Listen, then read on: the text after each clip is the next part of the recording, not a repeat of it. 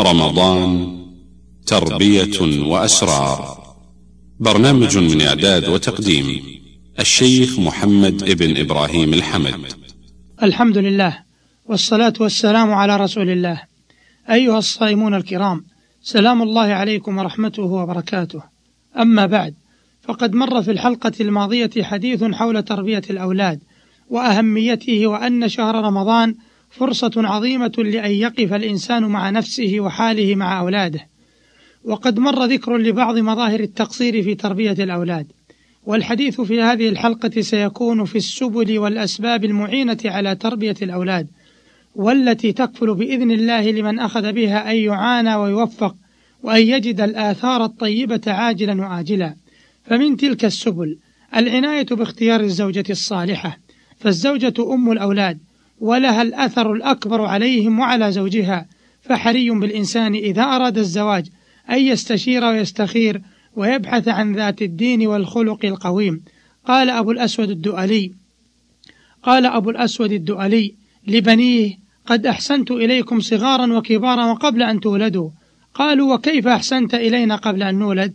قال اخترت لكم من الأمهات من لا تسبون بها وأنشد الرياشي فأول إحساني إليكم تخيري لماجدة الأعراق باد عفافها ومن السبل المعينة على تربية الأولاد سؤال الله الذرية الصالحة وسؤاله الإعانة على تربية الأولاد وكثرة الدعاء للأولاد بالصلاح والحذر كل الحذر من الدعاء عليهم أو ترك الدعاء إذا رأى الوالد منهم تماديا في الشر فإجابة الدعاء قد تتأخر لحكمة وقد يقصرون عن بعض الشر بسبب الدعاء وقد يصلحون ولو بعد حين أو بعد فراق الوالد الدنيا وهكذا.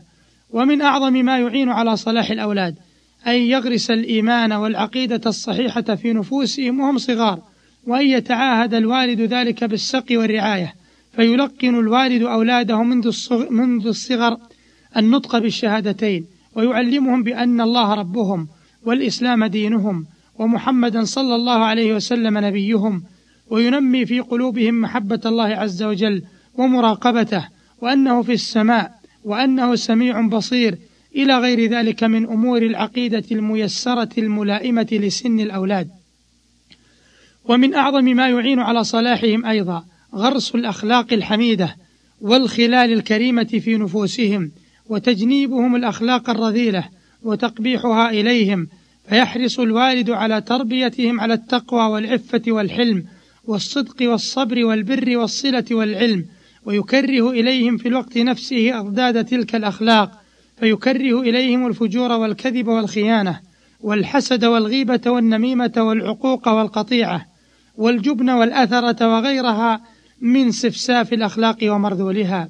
وإذا سار بهم على هذه السنة شبوا متعشقين للبطولة محبين لمكارم الأخلاق نافرين عن مرذولها.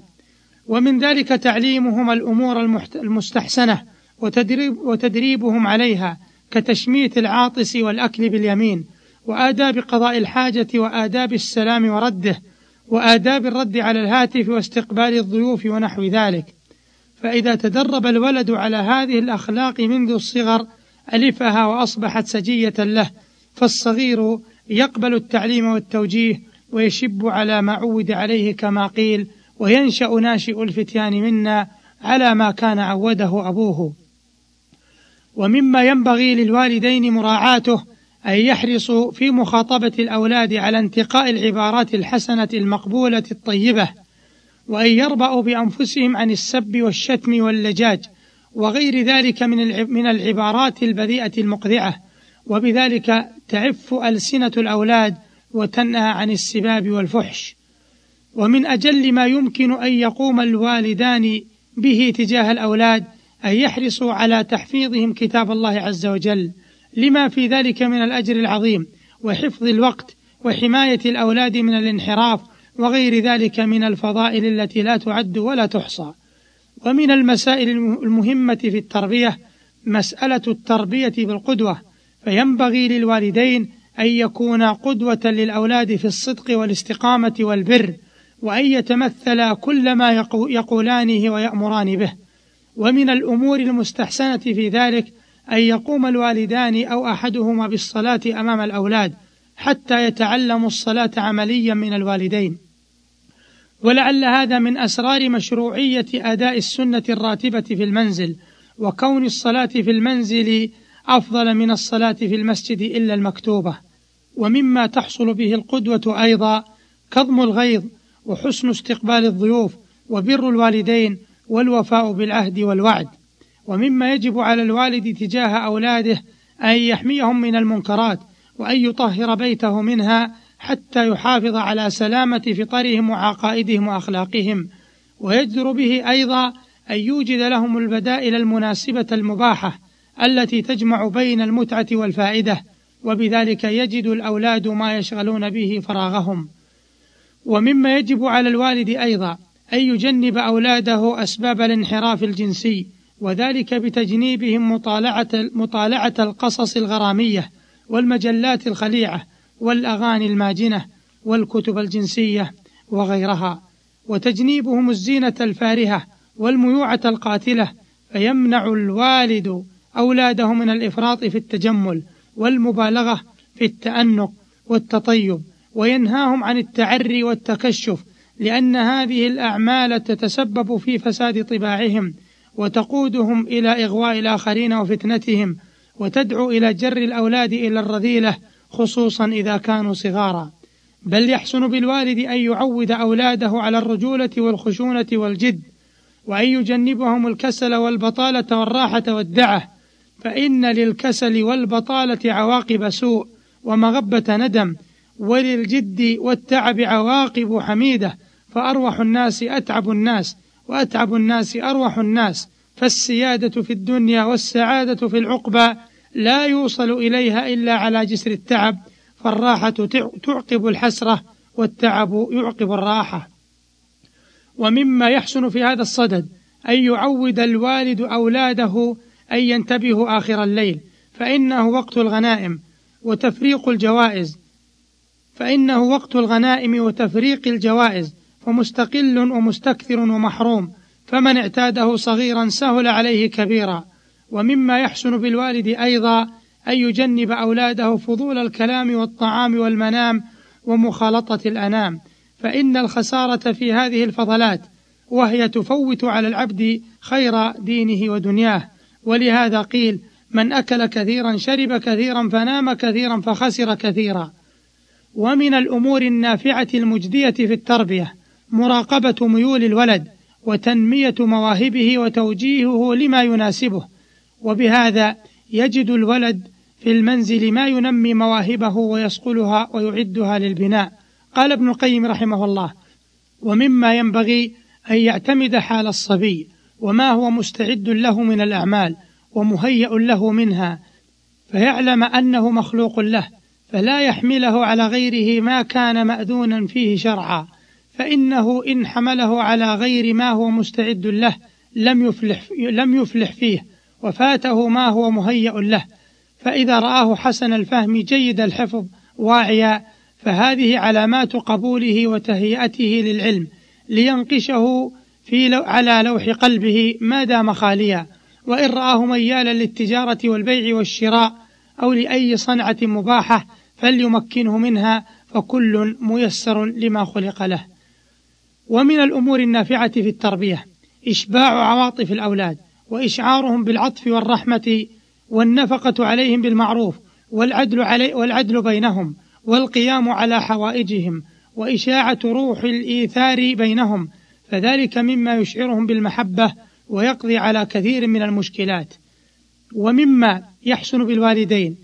إذا لم يقدر بينهما وفاق وحصل الطلاق أن يتقي الله عز وجل وأن يكون التسريح بإحسان وألا يجعل الأولاد ضحية لعنادهما وشقاقهما وألا يغري كل واحد منهما بالآخر بل عليهما أن يعين الأولاد على البر وأن يوصي كل واحد منهما الأولاد ببر الآخر بدلا من التحريش وإغار الصدور وتبادل التهم وتأليب الأولاد.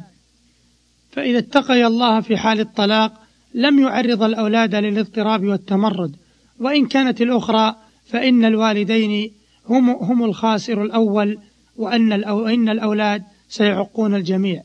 ومن أسس, الترب ومن أسس التربية الناجحة أن يكون التفاهم قائما بين الزوجين.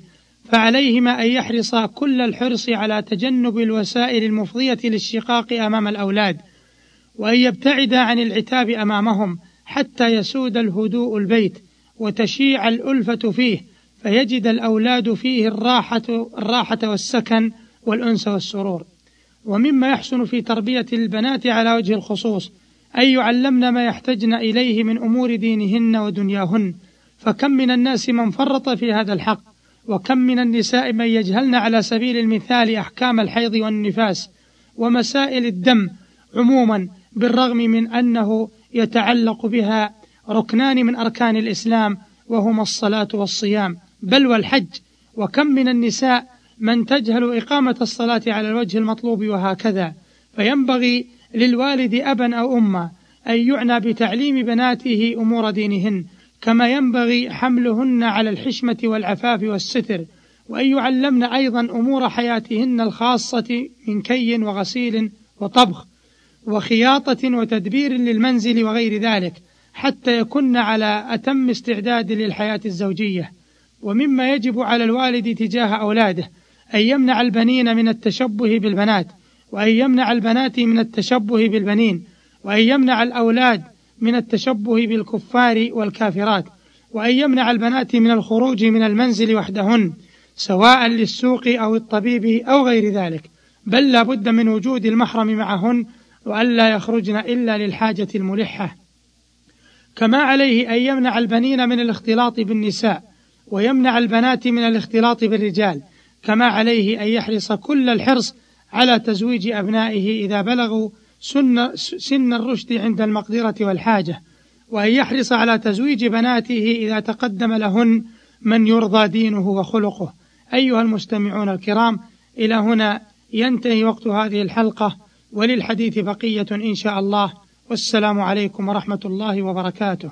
تم تنزيل هذه المادة من موقع نداء الإسلام www.islam-call.com